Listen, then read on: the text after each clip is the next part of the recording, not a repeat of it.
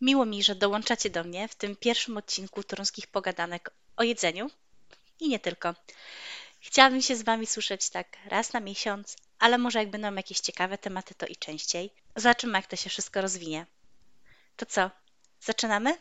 Smocze wieści i żarłoczne opowieści.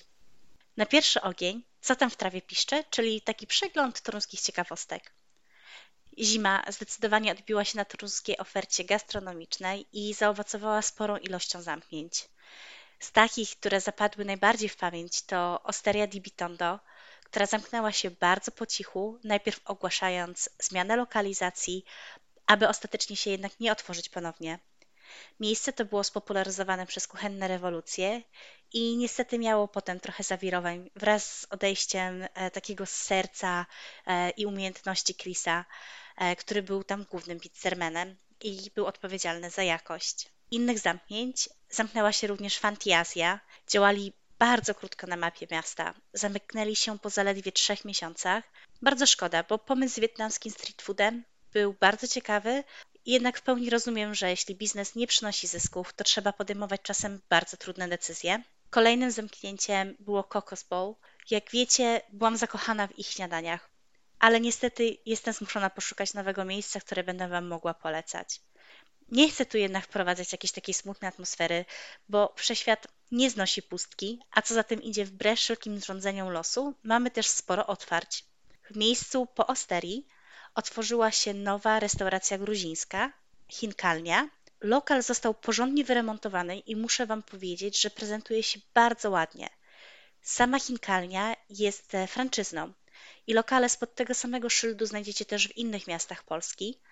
My znamy ją z Wrocławia, gdzie miała bardzo dobry poziom. Toruńska ma dobry potencjał, ale po naszej ostatniej wizycie widzimy, że potrzebuje jeszcze odrobinkę czasu, aby naoliwić trybiki i działać płynnie. Na blogu znajdziecie już post z naszej wizyty tam, ale z czystym sumieniem mogę Wam u nich polecić haczapuri, bo było pyszne. Na Małych Garbarach otworzyło się Indie Eat, czyli nowe miejsce z aromatyczną kuchnią indyjską. Tym razem w wersji właśnie takiej street foodowej.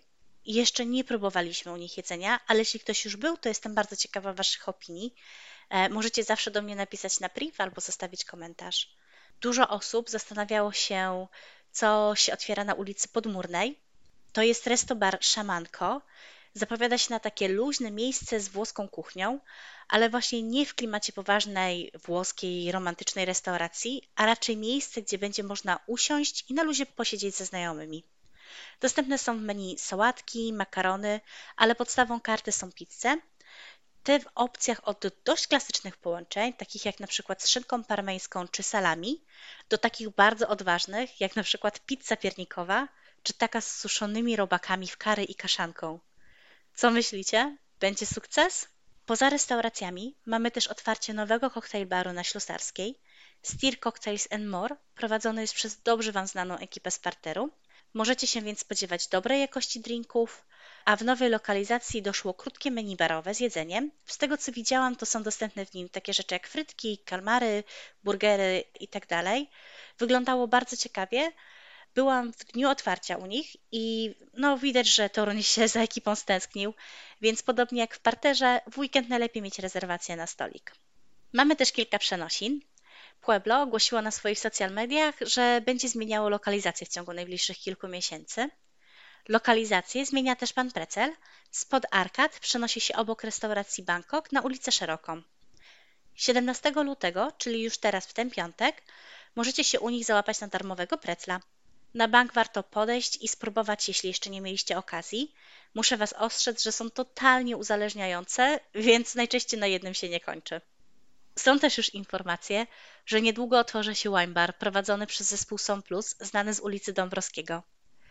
Ich oryginalną lokalizację bardzo lubię za spory wybór i przede wszystkim za luźną atmosferę, którą tam mają. Jednak ich głównym biznesem jest sklep i otwarcie osobnego wine baru wydaje się dobrym pomysłem. Trzymam kciuki za to, żeby się udało im przenieść tą nieformalną atmosferę oraz za sukces. Na płycie Starego Rynku ma się otworzyć meksykańska restauracja, prawdopodobnie już na tą wiosnę. Ja bardzo długo czekałam za restauracją meksykańską z prawdziwego zdarzenia z porządnym jedzeniem u nas w mieście. Jestem ogromną fanką tej kuchni, a jak wiecie już chyba z rok, może troszeczkę dłużej, powtarzam, że mi tego bardzo brakuje w Toruniu, więc mam nadzieję, że się nie zawiodę.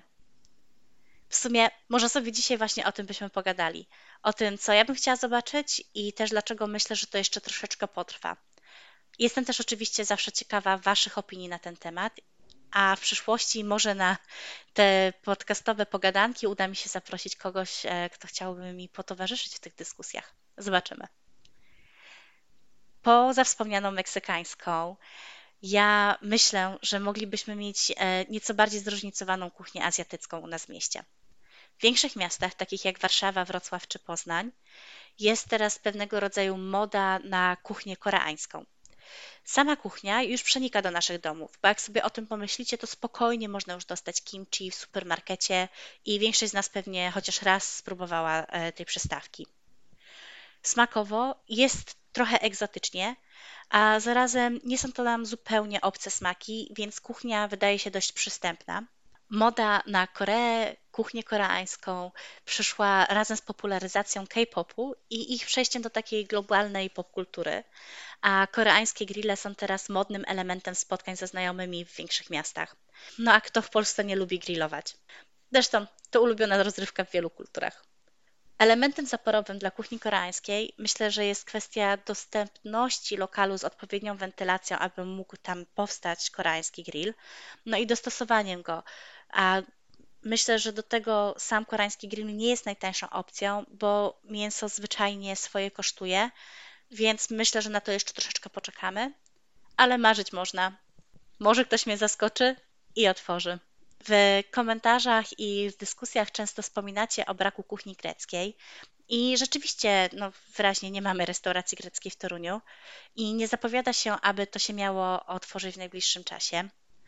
Zupełnie szczerze myślę, że nie otworzy się, bo nie jest to kuchnia obecnie modna, więc potencjał biznesowy jest niewielki, chyba że otworzy to ktoś naprawdę z dobrym pomysłem i taką cierpliwością edukacyjną i promocyjną e, swojego lokalu.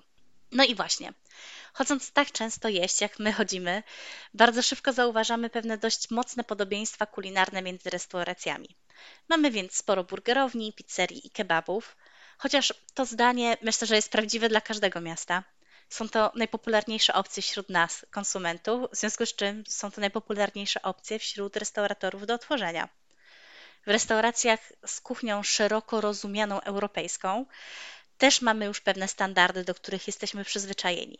W karcie powinien pojawić się tatar, mule, schaby z kością, kaczka, może królik, jakaś odmiana wołowiny. Chciałoby się odrobinę powiewu świeżości, ale no właśnie, czy my, toruńscy klienci, jesteśmy na to gotowi? Proszę pana, ja jestem y, umysł ścisły.